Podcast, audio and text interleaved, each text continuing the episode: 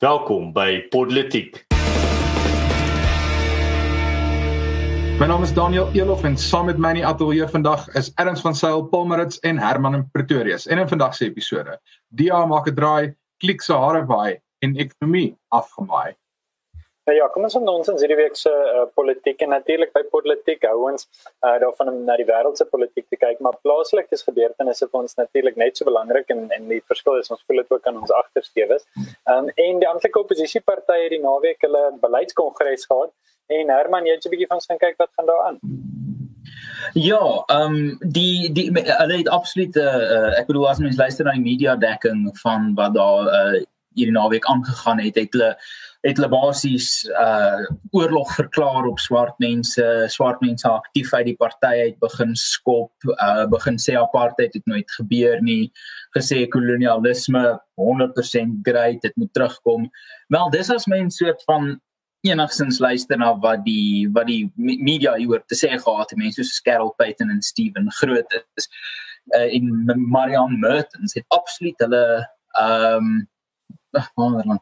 Ehm um, het absoluut hulle hulle totaal nou hulle hulle hulle kop verloor uh oor wat hier aangegaan het en en hoofsaaklik oor dat die ehm um, DA durf gedurf het om nie rassigheid non-racialism aan te neem as 'n amptelike waarde en beginsel van die party. Nou die twee interessante dinge wat vir my uitgestaan het, hulle het 'n hele rits goeders aange, um, aangeneem wat ek gou kan net deurgaan, social market economy, federalism, separation of party and state, constitutionalism and the rule of law, non-racialism. Uh daai is die hoofgoeders wat hulle na gekyk het, dan het hulle ook natuurlik die economic redress policy na gekyk, maar daar is ek nog nie heeltemal mee vertroud nie. Maar van hierdie goeders, van hierdie klompie staan daar vir my drie spesifiek uit wat ek dink nogals interessant is. Een is die social market economy, uh wat 'n interessante uh um uh, uh, uh tussen stap is tussen 'n laissez-faire kapitalisme en jou meer uh, sosiale demokrasie met 'n aktiewe staat, dan natuurlik federalisme wat ek dink die die Kaapse onafhanklikheidsbeweging wat so stelselmatig 'n bietjie meer geraas begin maak, ehm um, hulle hulle geleentheid gee in die, in die Overton venster om daar so dalk 'n bietjie argumente te maak en dan natuurlik die ene wat almal almal uh, se hare in die verkeerde rigting laat vryf het ehm um, of minstens die hoofstroom media is die idee dat hulle durf nie rassigheid aanneem as 'n waarde in beginsel en en dit was blykbaar as mens veral lees wat mense skerp buiten sê is dit basies die ontkenning van enigiets soos apartheid en enigiets soos rasisme. Persoonlik ek dink dis 'n wonderlike stap. Ek is gemaklik met die met die uh, social market economy. Dit is nou nie heeltemal wat ek sou dink perfek sou werk nie, maar dit het dit het historiese meriete daaraan. Maar ek dink dit is absoluut absurd dat twee goeders, dit het ons 26 jaar gevat vir 'n party soos die idee om amptelik nie rassigheid aan te neem. En tweedens, dit is 'n groot storie wat blykbaar erg verdelend en eksklusionêr is dat hulle durf sê hulle is 'n nie rassige party. Ehm um, uh, Herman van my kant af dink ek dit van ek op drie punte aansluit of 'n uh, uh, bietjie aan Elisabeth Ek dink die eerste een is ons moet onthou wat se rol van 'n amptelike oppositieparty binne 'n eenpartytelsel. En wat ek daarmee bedoel is dat ek dink nie ehm um, dit is dit is op die punt dat hulle regtig naby daarin is om die regering oor te neem nie. Tipies jy weet in in Engeland of in Brittanje kompeteer mense vir die regering. Ehm um, die DA weet hulle projeksies sal ook maar vir hulle sê as hulle ooit gaan kompeteer vir Suid-Afrika om jy weet Pretoria te te vat as ek dit so kan stel, dan gaan dit definitief nie in die volgende 5 jaar wees nie. Um, hulle is intendo besig om te konsolideer. Maar die rol van 'n amptelike oppositieparty binne 'n eenpartytelsel vir my is die hele gedagte dat hulle druk 'n ding in 'n rigting, hulle sit sekere goed op die tafel. En dis wat ons verlede week in plaasmoorde bespreek het, is die DA het plaasmoorde op die tafel gesit en ek weet die Vryheidsfront Plus praat van die begin af daaroor. Regtig, hulle hulle praat al van die laat 90's af oor die verskynsel van geweld op plase. Ehm um, maar die DA het op die tafel gesit en 'n groter debat daarvan gemaak en die relevantie laat toeneem dat dit nou op sosiale fronte begin uitkom. So ek dink in terme van hulle rol um, en die, die rol wat die DA binne in Suid-Afrika speel, um, is hierdie is hierdie spesifieke kongres baie belangrik.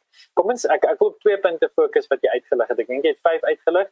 Um, ek wil ek wil twee punte aansluit. Eerstens is federalisme. Ons sien natuurlik dat die hele federale gedagte in Suid-Afrika bevraagteken is. En uh, op op 'n sosiale front as ons as ons braai het ons vier al baie oor federalisme gepraat.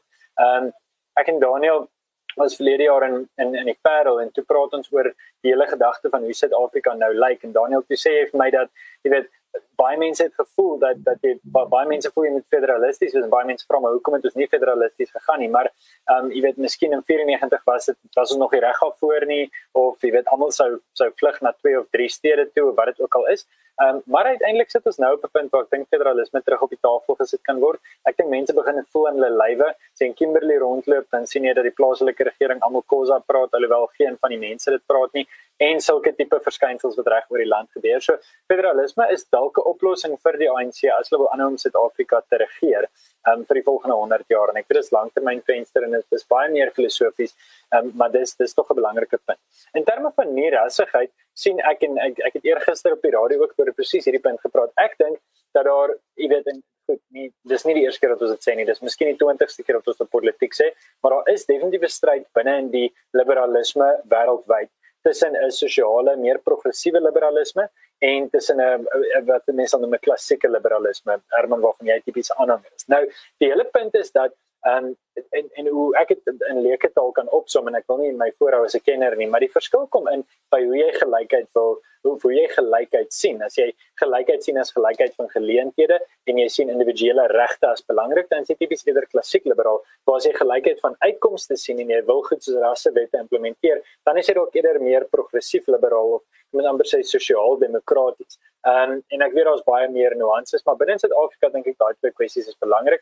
En met die met die verskywing van Musi Maimani uit die party uit, was daar 'n geleentheid vir die party om te heroorweeg. Ek dink onder leiding van Gwen Gwenya se pen is daar nou vir ons duidelik gewys na watter kant toe die DA neig.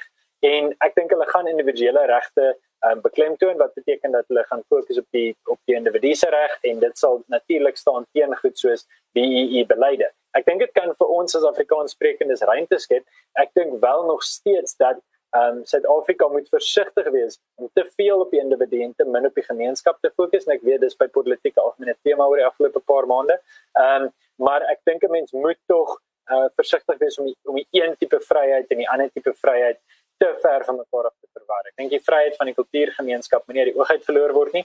Ehm um, en dis wat ek by die DA gaan dop hou. So dis nou my lang analise op dit, maar ehm um, net om om by te las. Dankie Gerald. Jy tyd is nou verstreke Paul, dankie. Ehm um, so ja nee vir my eh uh, vir my gaan ek ek stem 100% saam met wat Paul gesê het in terme van sy analise vir my net wat ek wil byvoeg is ek dink hierdie fokus op meer federalisme is miskien die realistiese antwoord op byvoorbeeld die afstigtingsvraag waar die DA eerder as wat hulle heeltemal sê maar ons gaan nou 100% al ons waantjies aan die afstigtings os vashak. Uh ons eerder gaan kyk om net die die Weskaap meer onafhanklik te maak. Uh eerder is, is eerder as om vir almal 'n nuwe paspoort te gee met baie eenvoudig te stel. So dis wat ek die logika wat ek daar raak sien. Die ander ding wat ek raak sien by die DA se bewegings is ek dink dit is 'n waagkans wat hulle hier vat. Hulle is besig om terug te gaan na hulle wortels toe. Hulle is besig om meer in 'n klassieke liberale rigting te beweeg met die individu as hulle hulle sleutel element. Ehm um, hulle beweeg weg van al die uh, beleide wat stadig gaan oor jare ingekruip het by hulle uh, wat vir hulle op die ou end en ek dink heel geregtelik geregtelik uh, die die bynaam gekry het uh, die die ANC light en ek dink hulle is nou besig om ontslae te raak van van dit eintlik die terug hulle is eintlik besig om maar grond terug te probeer wen wat hulle verloor het in die afgelope tyd. Dis nie ideaal nie maar dit is natuurlik wat hulle gaan moet doen. En dan eers nadat hulle daai grond teruggewen het in terme van teruggaan na hulle fondasies toe dan kan hulle besluit oor hoe hulle gaan vorentoe beweeg um, en hoe hulle dan meer uh, meer grond weer gaan probeer wen. So ek hierdie is vir my heel duidelik 'n uh, herstelpoging en half uh, op die skip weer in die regte rigting te kry eerder as 'n 100% stoom vorentoe na ons wil by hierdie eindbestemming uitkom. Hulle fokus op die oomblik heel duidelik eers om die die skip eers weer in die regte rigting te laat seil voor hulle enigsins praat oor waar hulle gaan uitkom. So dis wat ek hierso raak sien. So ek dink ek gaan definitief ek's baie nuuskierig om te sien wat hier gebeur. Ehm um, soos ek sê dit is definitief 'n waagkans. Uh, dit is nie uh is nie verseker dat dit gaan uh, sukses wees nie. Maar ek is bly dat die DA iets nie probeer. Ek dink nie die om net die ANC te probeer naaap gaan vir hulle enige plek kry nie want hoekom sal jy vir 'n namaaksel stem as jy vir die regte ding kan stem? So hmm. kom ons sien nou die volgende jaar of jaar en 'n half gaan uh, ongelooflik belangrik wees vir die DA en ek is baie nuuskierig om te sien wat gebeur op daai front ek sonder dat dit nou in 'n hele spesiale episode ontaard oor as ons nou weer teruggaan na daai eeue oue vraag wat politiek al vir maande bespreek oor wat is vryheid en wat is liberalisme en wat is waardevol om te probeer behou en koester in die land. Ehm um, dink ek ek ek stem saam grootendeels met julle almal se analise. Ek dink die interessante ding vir my oor hierdie nuusbrokkie is wat dit uh, gaan inhou vir volgende jaar se verkiesing natuurlik. Want die punt is ek dink mense kan sê die DA het het met hulle tradisionele ideologie die die klassiek liberale ideologie as mens dit so kan noem eh, het gelei tot die sukses wat ons gesien het in 2016 en is eintlik na 2016 wat ek dink hierdie hierdie progressiewe elemente van die DA na vore gekom het en waar ons toe begin sien het dat die die DA al meer die ANC light geword het so wat jy na verwys Ernst. En ek dink dit gaan nou interessant wees om presies te sien wat gebeur volgende jaar met die verkiesing. Dis dis ook unieke omstandighede. Dis nie soos die vorige munisipale verkiesing waar die ANC basies oral buite in Kaapstad regeer en en dit was basies net die ANC se stede om te verloor en vir die DA en nie of koalisies ten minste om wen nie. Hier sit ons met 'n situasie waar die DA regeer nog in Kaapstad. Daar was al hierdie onstuimigheid in die Nelson Mandela Metro daar was die ehm um, onstuimigheid in Pretoria op die oomblik sit ons met die die, die hele stad onder administrasie en dan was daar die onstuimigheid in Johannesburg met Herman Mashaba. So dit dit gaan verskriklik interessant wees om te sien wat wat gaan hierdie vir die DA beteken in volgende jaar se verkiesing. Dit gaan ek dink daar gaan twee vrae wees. Dit gaan wees kan die kiezer weer die DA vertrou om vir hulle tweede geleentheid te gee om hierdie stede te regeer en ehm um, dink hulle hierdie nuwe rigting wat die DA inslaan is permanent genoeg is weerstandig genoeg vir daai elemente binne die DA dat hulle wel bereid sal wees om hulle stemme vir die DA te gee en hulle eintlik op 'n manier 'n tweede kans te gee. Nie dat ek dink al die plekke waar dit sleg gegaan het in die metro's uitsluitlik die DA se skuld was nie. Ek dink daar was klomp ander faktore wat ook 'n rol gespeel het. Maar die punt is hulle gaan die vertroue van die kiesers in daardie stede weer moet probeer terugkom.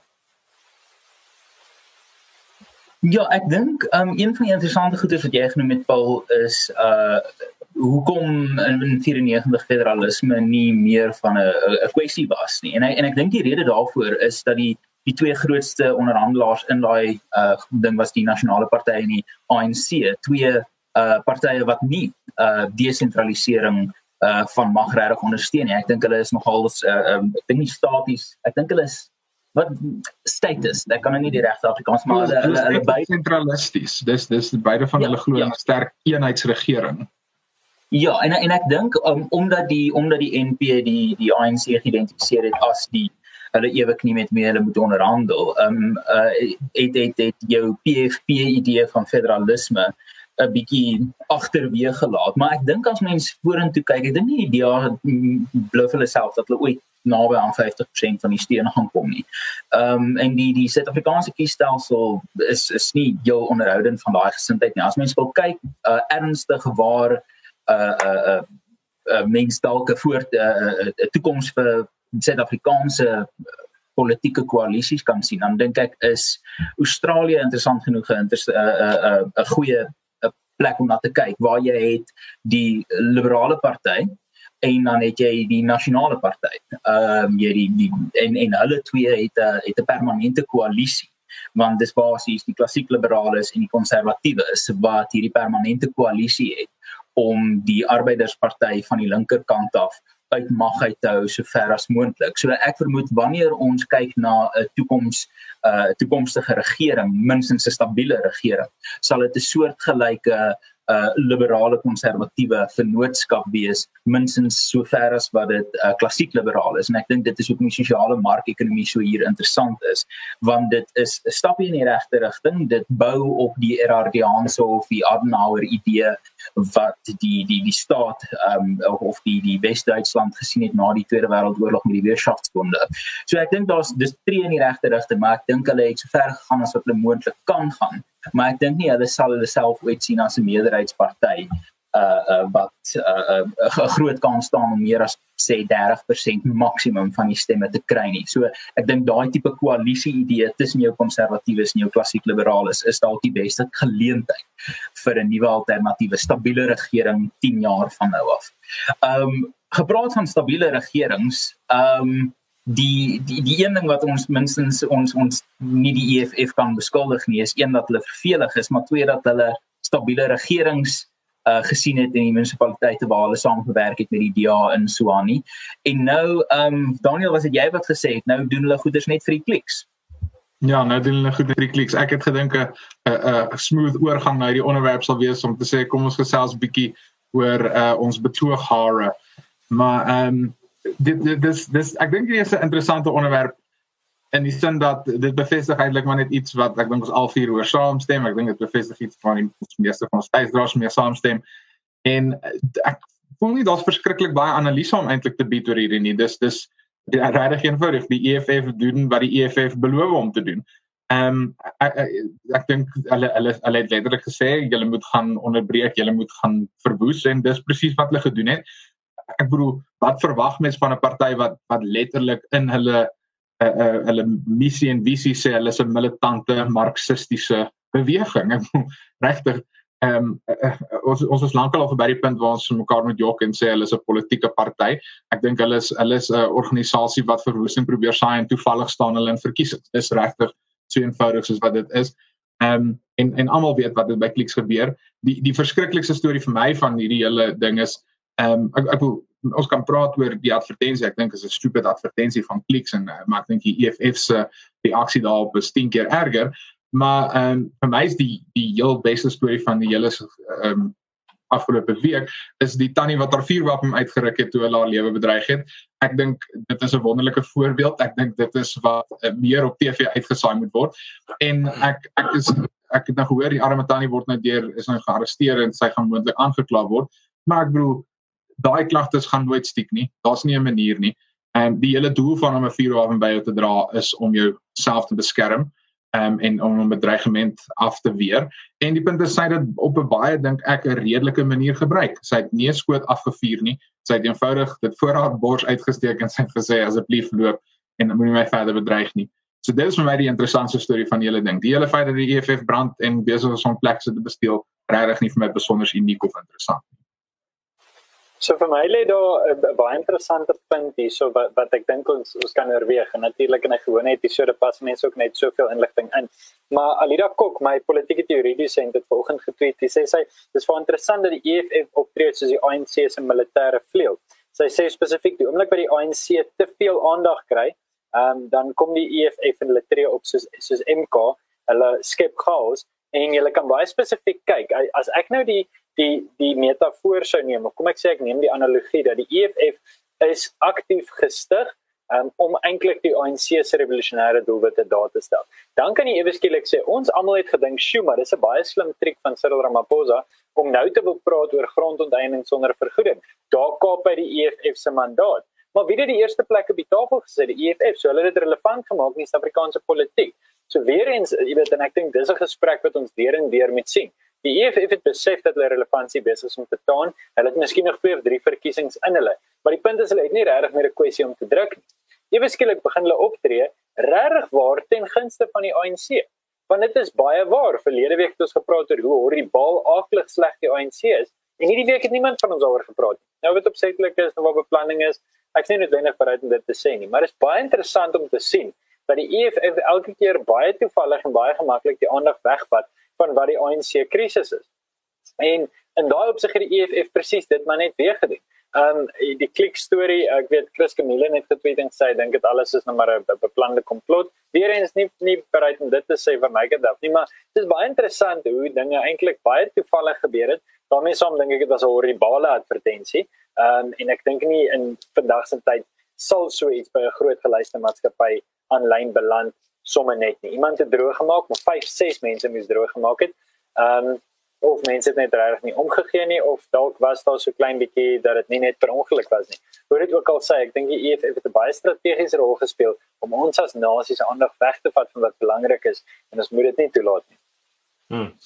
Wel uh vir my is dit net baie interessant dat ek het al ek dink ons het al voorheen in politiek gepraat oor die die kanse dat die EFF dalk die die ANC se militêre flank is. Ehm um, ek bedoel dat dit was altyd die rol van die ANC jeugliga en wie toe die ANC jeugliga die pad het is toe ek uh, vul die EFF daai rol baie baie snaaks het dit so goed uitgewerk het. Maar iets anders wat ek interessant vind wat jy sien wat inpas by hierdie teorie is dat ek sê mos nou vir 'n tydjie dat Tito Mboweni is sy enigste rol in die ANC is hy is maar net die goeie polisieman en 'n good cop bad cop uh strategie wat hulle gebruik.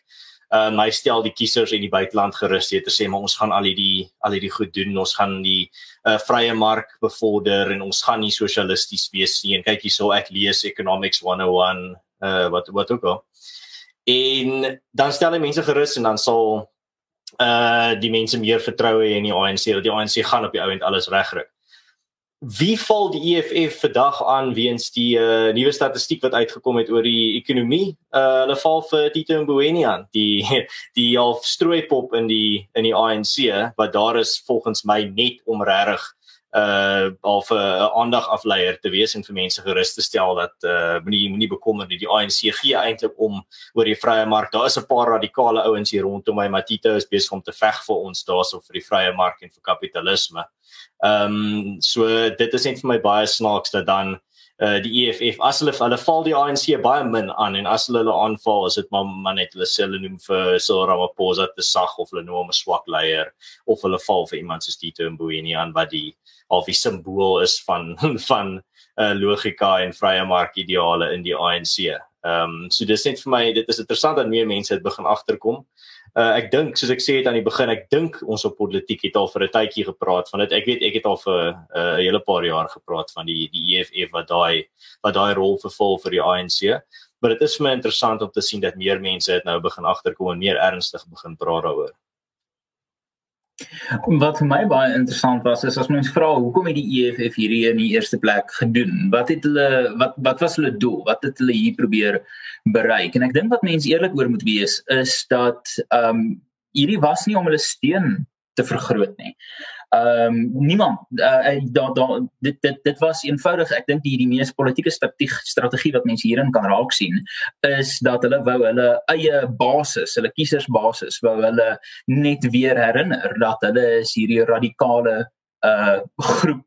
Uh want vir die afgelope 6 maande kyk mense die ANC het minstens die die die die, die staat en die regering en die kabinet en verstaan hulle het hulle was relevant want hulle was die regering. Die DA uh was was relevant of dit was meer leierskapstryde of dit was uh deur ek dink 'n relatiewe goeie hantering uh uh van die COVID-19 krisis en al sy forme as regering in die Wes-Kaap en later in die lockdown in um as oppositieparty om werklik die die die inperking te kritiseer. So ek dink hierdie was 'n desperate uh, uh spel vir vir relevantie van die EFF se kant af. Ek dink daar was 'n besef um ons datawys dit definitief is dat die EFF het 'n het 'n relatiewe lae plafon in die vlak middel 10e.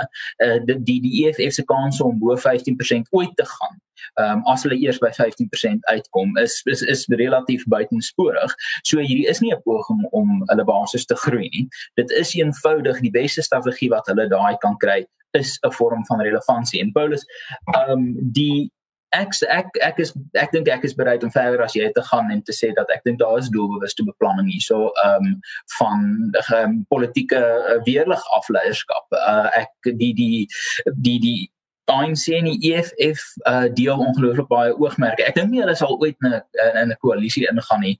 Uh omrede dat as hulle in 'n koalisie ingaan dan um sal as dit Cyril Ramaphosa as wat die leier van die ANC is, dan sal hy nie verlang die leier van die ANC wees nie en dan sal dit waarskynlik David Mabuza of iemand soos dit wees. En nou Mabuza is 'n baie slinkser uh politikus as uh as ou Cyril en hy sal weet dat as jy in die bed klim met Julius Malema, dan beduiwel uh jy meer as net jou voorganger se posisie. So uit 'n onnonsens perspektief is dit ongelooflik moeilik om na die EFF te kyk want hulle vang net nonsens aan, maar as mens probeer kyk wat gaan aan agter die nonsens, dan dink ek dit was 'n desperate poging om uh die die media aandag en ons aandag te kry en minstens 'n bietjie weer relevant te lyk want ek sien iemand het hier in die kommentaar afdeling gesê die die opkoms was minimaal. Ehm um, so hulle kon dit nie gedoen het vir die opkoms nie. Hulle kon dit nie gedoen het vir die visuele beelde uh van van jy weet oor donderende mag nie. Wat het hulle hier hiermee probeer uh vind wel relevantie. So ek dink dit is die beste wat hulle kan doen want hulle het regtig niks anders om te doen nie. Nou ja, voordat ons oorbeweeg na 'n tweede onderwerp van vandag se gesprek, gaan ek skaamteloos vir ons luisteraars herinner dat hulle gerus politiek kan ondersteun by Buy Me a Coffee. En nou dat uh netwerk vir al nie netwerk 24 en News24 'n subskripsie het, spandeer jy jou geld om wonderlik elke week se nuus hier by politiek te laat ontnonsens en uh ondersteun ons asseblief help om politiek elke week hier vir jou op YouTube en op al jou gunsteling podsending platforms te bring. Nou gepraat van uh die EFF, ek het hierdie ek dink dit was juist vandag of dalk gister Floyd Chavambu van die EFF getweet dat ehm um, kyk net nou hoe verskriklik dit gaan met die ekonomie op die oomblik kyk wat het gebeur met die BBP ehm um, die ANC is regtig te blameer vir hierdie en ek het gedink dis verskriklik ironies en idioties terselfdertyd dat uh die enigste party wat regtig die inperking wat hierdie ekonomiese krisis groot maak veroorsaak het of ten minste verskriklik versleg het nou ewe skielik besig om kritiek uit te deel as dit van die EFF afhang het het ons waarskynlik 'n langer inperking meer drakoniese inperking gehad en was dit absoluut uh meer verwoestend vir die ekonomie gewees. Ja, so 'n um, interessante paar punte op dit. Ten eerste Floyd het mos opgedaag by die optog waar hy was. Ek is nie presies seker waar nie. Ek dink dit was in Limpopo provinsie Erns. Hy het opgedaag met Prada skoene aan, skielik R30000 se skoene. So ek neem sosialisme hanteer hom wel goed. Ehm um, jy weet dit dit dit gaan dit gaan nie gaan nie swaar met hom nie. Herverdeling was aan sy kant geweest. Maar ehm um, ek ek dink uiteindelik die, die die punt om te maak hierso is dat die ekonomie in Suid-Afrika bitterlik swaar trek. Nou daar's verskillende syfers om rond te gooi. Die een wat natuurlik deur al die ANC se oppositie gebruik word is die 51% inkrimping en dit beteken dat van wat die hoe die ekonomie gelyk het in die eerste kwartaal nou hoe die tweede kwartaal gelyk het 51% inkrimping gehad. Nou Suid-Afrika is baie afhanklik van landbou, mynbou en seisonale goed, so dis nie noodwendig die beste manier om die ekonomie te ontleed nie, om die eenvoudige rede dat ons sekere dinge het wat in die eerste kwartaal gebeur wat nie noodwendig in die tweede kwartaal gebeur nie en vice versa. 'n Beter getal om na te kyk en so deel ons nou voor die tyd geadviseer, nou nie maak of ek baie van ekonomie weet nie, maar 'n beter syfer is 16,4%, nee, skie 17,1%. Bedoelende dat die ekonomie 17,1% kleiner was as verlede jaar tweede kwartaal. So ons kyk na dieselfde tyd van die jaar. Ehm um, uiteindelik sien ons dat dit steeds 'n massiewe massiewe val is. Moenie laat 17 vir jou klein klink maar dit kleiner is as 51%. Dit beteken 'n sesde van die ekonomie wat al laas jaar was is weg. Ehm um, en nou is die interessante ding hoe mense om dit moet kom. Natuurlik die ANC se eerste antwoord is ja, maar apartheid en hulle het 'n stikkende stelsel geërf en ja, maar corona en jy weet die laaste ding wat hulle gaan doen is verantwoordelikheid vat. Maar die waarheid van die saak is as en en jy as politiek luisteraar kan maar net 'n bietjie gaan kyk waar dit ons in Mei maand en in Junie maand gepraat. As jy mense gaan verbied om sigarette te verkoop, iets wat 'n regtig massiewe deel van ons ekonomie is en wat baie belasting bydra. Maar meer as dit, kom ons sê weet sigarette kan jy op een of ander morele manier argumenteer. Kom ons praat oor hierdie. Ehm um, jy kon hemde met wit hemde kon jy koop, maar jy kon nie blokkies hemde koop nie. Jy kon toeskoene koop, maar jy kon nie plakkies koop. Nou moet ek vir jou vra, um, geagte minister Ibrahim Patel, hoe op dese aarde kan jy verbaas wees dat die ekonomie werklik waar absoluut sy agterwêreld gesien het? Um, hoekom het dit gebeur? Eenvoudig met die ekonomie om simpel redes toegemaak is. Um, as ek reg is, het ons by verre die langste lockdown gehad in die wêreld. Ek dink ons is die enigste land wat sigarette op so 'n vlak verban het. Um, en ons alkoholwette is is weer eens ook die ergste in die wêreld en dit in 'n land wat werklik waar afhanklik is daarvan om verbruikersprodukte te verkoop. Tipies in Brittanje, baie van hulle inkomste kom van hoë intellektuele produkte soos rente en soos huurinkomste en so aan. In Suid-Afrika het mense kontant in hulle sakke en hulle wil dit gebruik, maar hulle kan nie. Hoekom nie want die Spaza shop mag nie vir hulle warm hoender verkoop nie. En jy was so besig om na warm hoender te kyk dat jy vergeet het om vir 60 miljoen mense ekonomie te onderhou. Die ergste van alles en ek gaan hiermee afsluit en oorgie na wie ook al die bal by my wil vat. Die ergste van alles vir my is dat weer eens is dit die ANC stemmer en die ANC kiezer wat die hardste hier onder gaan ly. Want dis hulle wat afgedank is, dis hulle wat met gaan werkloosheidversekering eis wat natuurlik deur bedrog gesteel is en dit sal ook op 'n ander dag nog 'n paar stories wees. Maar die punt is uiteindelik um, kry daai mense die jammerste. Wel ek dink dit ons moet eerlik wees dat dis nie weens die koronavirus dat ons hierdie hele krisis het nie uitsluitlik nie dit het natuurlik 'n ongelooflike bydrae gehad. Dat die bydrae wat dit gehad het is absoluut 100% van die ANC se kant af wat hierdie drakoniese inperking uh ons gee het. Maar die punt is dit het in Januarie en Februarie en Maart regtig maar net so goeie gegaan met die Suid-Afrikaanse ekonomie. Ek bedoel voordat ons gepraat het oor corona en voordat corona en COVID-19 gonswoorde was, was rommelstaat is 'n gonswoord. ehm um, was 'n uh, 'n uh, uh, internasionale monetaire fonds ehm um, 'n uh, uh, fonds organisasie of fonds hoor waar ons gepraat het. Maar die punt is dit het al sneg gegaan lank voor die koronavirus. Hierdie is nou maar net die kersie op die koek ongelukkig. En en die punt is dit dis nou maar net hier is 'n regtig gerieflike verskoning vir die ANC om te gebruik om sê maar sit in hierdie pandemie. Maar die punt is oor die res van die wêreld het het die lande se ekonomie ook in hierdie inperkingstydperk gekrimp en het nie goed gegaan nie. Maar die punt is toe het hulle weer herstel. Ek ek het vandag so 'n video gesien van ou Trompie daaroor kan jy sien wat in Frankryk besoek het. Ek dink was in Frankryk toe vra uh, uh, een van die joernaliste vir hom hoorie maar dit gaan so sleg met die Franse ekonomie op die oomblik. Ehm um, hoekom gaan dit nie so in Amerika nie? Toe hy tong en kies sê wel ek dink nie hulle het so oulike president soos die FSA nie. En, maar die die punt is uh, uh, jy kan nou sê van 'n ou Trompie wat jy wil. Ehm um, maar, maar die punt is dat dit goed gaan met die Amerikaanse ekonomie. Daar's klomp ander lande met wie se ekonomie dit nou goed gaan na hulle inperkings en na corona. Dit kan gedoen word om net te sê nee maar uh dis corona se uh, coronavirus se skuld en ons gooi ons hande in die lug op is nie konstruktief nie en ons verwag regtig meer van ons leiers. Ehm um, dit jy kan nie net sê ekskuus dis nou maar so en uh tough cookies en julle moet nou daarmee werk nie. Dit is nie die rol van die regering ons verwag meer van ons leiers. Hmm. Uh nee wat my my kort kommentaar op hierdie is ook maar net uh, ek dink enigiemand wat aandag gee kon regtig enigiets minder verwag het nie. Ehm um, dit is nie mense kan nou regtig nie sê dat uh, as iemand maar net vir die ANC gewaarsku het nie want uh, daar was baie baie harde waarskuwings. Maar ja, ehm um, dit is wat dit is uh, en ons het definitief hierso gesien die baie bitter vrugte van die Suid-Afrikaanse staat van inperking. Ehm um, dit is net vir my nog steeds baie vreemd dat ons ons het nou wel 'n uh, paar artikels internasionaal daaroor gekry maar dat daar nie meer internasionale kritiek eintlik op die en bespotting om eintlik ernstig te wees van die Suid-Afrikaanse staat van inperking was nie want dit is wat dit verdien. Ehm um, dit verdien nie net kritiek nie, dit verdien absolute bespotting. En miskien in die toekoms gaan ons bietjie meer daarvan sien. Ehm um, miskien nie van die buiteland af nie, maar mense in in Suid-Afrika wel as besig om vinnig wakker te skrik. En uh, ewe skielik uh terug toe die uh staat van inperking begin het was baie mense die groot konsensus was dis nodig ons moet dit doen um teen enige koste om lewens te red. En nou dat ons regtig ons het ons vaders opgeëinde. Ons het nog steeds sewende in die wêreld tans met die hoeveelheid gevalle van koronavirus wat ons het. En um uh ons het toe op die ou end nie die 1.5 miljoen grafte nodig gehad wat die ANC wou ge, wou, wou gegrawe het nie. So ek, ek wonder wie daai tender gekry het.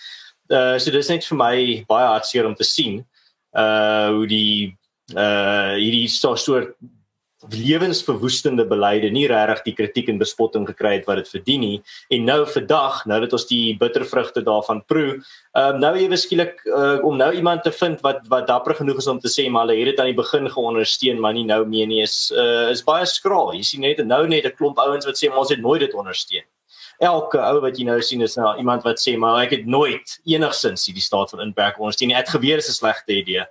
Maar daar was geen van dit aan die begin van dit nie. So dis net vir my 'n bietjie van 'n 'n snaakse snaakse feit om op af te sny. Ja, ek ek ek kan heeltemal eerlik wees en sê dat ek was deel van die 84% vir die eerste wat wat gedink die eerste 3 weke van die lockdown was nuttig. Dit was op op daai stadium was dit gebaseer op die wêreld uh konsensus daar was min oor die siekte bekend maar na week 3 uh toe het dit duidelik geword dat dinge totaal mal fout gaan. So ek bedoel ek sal altyd sê daai eerste 3 ja. weke dink ek ek dink dis onbillik politici te kritiseer as hulle verkeerde besluite geneem het maar al die kennis was nie beskikbaar nie. En op daai stadium was die 3 week inperking 'n rasionele besluit en ek het gedink fair enough. Maar wat vir my tragies is wat ons hierso sien is daarso mense kan omtrent breed weg. Dis nie 'n absolute uh, uh, uh, reël nie. Maar vir elke uh uh prestasiepunt van BBP, ehm um, kan mens omtrent 100 000 werke daarin sien. As jy uh, groei met uh, 1% BBP, dan kan jy omtrent 100 000 werke bysit by by jou uh, uh werksmag of of of jou ekonomie. En die inverse geld natuurlik ook. Uh so as jy 16% verloor, 1.6 miljoen werke nagenoeg weg. So ehm um, dit is dit is een ding wat mense nogals in gedagte kan hou wat 'n baie nuttige uh wat dit mnemoniese uh, uh meganisme is om net te verstaan hoekom is BBP belangrik? Is dit net syfers op 'n op 'n verslag iewers wat op of af gaan? Nee, dit dit dit dit vertaal na werklike uh, gebeure en werklike ervarings. En ek het vroeër vanoggend het ek met Magnus Huystek 'n gesprek gehad oor voorgeskrewe bates. En die interessante ding is dat mense is dit eens en Magnus het dit gesê dat dit gaan amper meer oor wat die regering moet ophou doen as wat die regering moet begin doen. Daar is soveel dinge wat die regering aktief doen wat uh, ekonomiese groei en daarbey saam maatskaplike opheffing in die wiele ry. En um, Rasul Lamberti het heeltemal reg gesê vroeg aan in die in die in die inperkingstydperk dat COVID-19 is 'n tendens versneller. En uh, Daniel is absoluut reg. Is COVID-19 het wat reeds daar was in die eerste kwartaal van hierdie jaar en die laaste kwart twee kwartaale van laas jaar was al tot klaar ekonomies beroerd gewees. Maar COVID-19 het nou net behoorlik gesorg dat ons nou die wiele sien afval. En gepraat van die wiele sien afval. Ehm um, Kalifornië. en daar is 'n ja. sinvolle oorgang. Ja, nee wat so sinvol is enige uh, enige grap oor Kalifornië want dit is definitief uh, nogal 'n grap vir Suid-Afrikaners as ons 'n bietjie oor die see kyk. Ehm um, Kalifornië het hierdie week uh, beerdkrag gekry en ek het nogal gesien daar was 'n paar mense in Amerika wat praat van load shedding, maar die meerderheid van mense het dit genoem wat ons as Suid-Afrikaners dit lankal moes genoem het en dit is rolling blackouts. Ehm um, die Amerikaners het hmm. nie enigsins rondom gespeel met terminologie nie, hulle het dit genoem wat dit is. En uh, miskien konteks ons het stumbling blackouts. Hulle is 'n rol daarom nog. ja, wat. Uh so miskien net vir konteks, uh hierdie beerdkrag in Kalifornië is nou weens 'n uh, hittegolf wat hulle het. So dit is uh baie dieselfde storie as in Suid-Afrika waar as die winter aankom dan raak dit baie moeiliker om krag te voorsien in Amerika met hierdie hittegolf uh, hou die Amerikaners nogal baie van hulle baie uh koel cool lugverkoeling. So dis daai uh hittegolf wat op die oomblik dit veroorsaak, maar dit is uh om dit regtig in perspektief te sit. Ek dink Kalifornië is is soos in die top 5 rykste uh, as dit 'n land sou wees, sou dit in die top 5 rykstes in die wêreld gewees het. So vir so 'n land uh om beerdkrag te kry, ehm uh, as uh, wel 'n ekonomie die die, die so groot soos 'n land, ehm um, om beerdkrag te kry is definitief nogal 'n groot uh, groot perspektief op die die beleide wat hulle volg daarso en ek dink almal as politiek luisteraars weet uh, wat se rigting Kalifornië na toe leen. Ehm um, so miskien net dan voor ek Dis amper asof die linkstaan beheer is. amper so en is amper asof jy nie net 'n ekonomie kan bou op Hollywood nie. Ehm um, so ja, vir my is dit uh, net 'n baie snaakse storie. Is net vir my snaaks om te dink dat as jy sou geëmigreer het Kalifornië toe die as jy en jy besef dan dat die beerdkrag het jou gevolg oor die see. Ehm um, en dan nog 'n ander storie wat met uh, Amerika te doen het, is die die feit dat 'n uh, 'n Noorse parlementslid het vir Trump uh genoem as iemand wat die uh die Nobelprys moet kry. So uh, hy en sy aanhaling is nogal vir baie interessant. Uh die hierdie parlementslid wat vir Trump genomineer het. Hy het gesê ek is nie 'n groot Trump ondersteuner nie. Uh maar die feite is feite die mense wat die afgelope jaar, die afgelope paar jaar die vredesprys ontvang het, het baie minder gedoen as Donald Trump. Barack Obama het byvoorbeeld niks gedoen nie, sluit aanhaling. Hmm. Ja. Ehm um, goed so ek ek dink ek wil graag net pligtig reageer op die eerste ding wat jy gesê het. Uh, ek ek dink politieke bestuur moet altyd afhanklik wees van praktiese wysheid. Iemand se woord is is prudence, daar's 'n Afrikaanse woord frunese wat nie altyd so op so bekend is nie wat van die Grieks afkom. Maar die punt is ek dink in Kalifornië is daar behoefte aan praktiese wysheid. Ek vermoed die Republikeine party mag dit dalk sien as 'n geleentheid. Hoekom sê ek dit? Want ek dink in geen plek op aarde is mense so dronk op ideologie soos in Kalifornië. Dit gaan verskriklik goed met meeste van hulle. Regtig, hulle het nie veel meer te kla nie. Dit is uitsonderlik mooi. Buiten vir 'n aardbewing nou en dan het hulle nie regtig natuurlike bedreigings nie. Ehm um, geld is nie 'n probleem nie. Daar's daar's sterre, daar's jy weet infrastruktuur. Dinge werk. En ehm um, hulle is baie ver verwyderd van die realiteit in hulle eie land, dink ek, en dan baie meer as dit die realiteit in die wêreld. So uh, dit mag wees natuurlik ons het mense soos Elon Musk gesien wat baie sterk uitgesproke was teen Kalifornië se wetgewing. Dit mag wees dat daar genoeg mense in daai staat is ehm um, wat vir die eerste keer in 'n lang tyd hulle rug draai op die Demokrate Party weet nie noodwendig of dit of dit uh, genoeg gaan wees nie, maar uh, maar dis uiteindelik dink ek 'n uh, gedagte. Ek ek sal ek sal dink dat julle ons graag daarop sal reageer. Ons episode harte op lank, maar uh, Daniel, ja. miskien kan jy net 'n bietjie wysheid gee. nog net net 'n laaste gedagte vir my kan of ek wou eintlik oor Donald Trump gesê dat wel as Barack Obama en klomp ander mense die Nobelprys vir vrede kon wen dan dink ek is heeltemal aanvaarbaar vir Trump om genomineer te word maar toe uh, Ernst het jy dit mooi bespreek met daai aanhaling van die LP lid van Noorwe. Maar net net oor Kalifornië um, ek dink dieselfde beginsel gehad wat mense altyd sê as dit so aaklig en sleg is in uh, kapitalistiese liberale lande hoekom vlug mense nie van daardie lande af na sosialistiese en kommunistiese lande nie? En dieselfde beginsel geld met Kalifornië uh, op die oomblik. Punt is dit is 'n uh, progressiewe absolute woke staat in Amerika en dis dan geen verrassing dat ons gesien het dat 40000 mense uh, verlede jaar in 2019 Kalifornië verlaat het nie, want die punt is dis net nie meer 'n plek waar mense wil bly nie. Het Donald Trump nie 'n baie oulike beskrywing gehad vir sulke tipe plekke Ehm um, ek weet nie of mense dit op die lig kan noem nie. Maar uh, ek ek baie vinnig ek, ek Ja, nee, is dit tolle. Ja. Ehm um, en ja. ek word baie keer daarvan beskuldig dat ek nie Trump krediet gee wanneer hy dit verdien het nie. Afgelope paar maande op die internasionale verhoog was sy uh trek rekord absoluut uitstekend. Ehm um, sy sy buitelandse beleid is net strate voor en en ek sou so ver gaan om te sê hy verdien dalk hierdie Nobelprys vir vrede. Nou ja, ehm um ons gaan daai storie dophou soos hy ontvou soos die EFF se terugkeer na die kollig is hierdie episode vir eers aan 'n einde maar jou as luisteraar uit homself te onnonsens jy kan die gesprek voortsit in die kommentaarafdeling of jy kan met op sosiale media met ons verder gesels uh, maak gerus kontak as jy besigheid op politiek wil bemark uh, en uh, wees gerus ook op die uitkyk vir ons uh, spesiale episode wat in die toekoms op pad is ons gaan natuurlik in die volgende tyd baie fokus by Amerikaanse verkiesing. Ons steun ons gerus by Buy Me a Coffee of op Patreon as jy hou van wat ons doen en as jy graag wil hê ek moet 'n beter mikrofoon hê. Uh, jy is ook welkom om ons resensie te los met jou klagtes en gedagtes.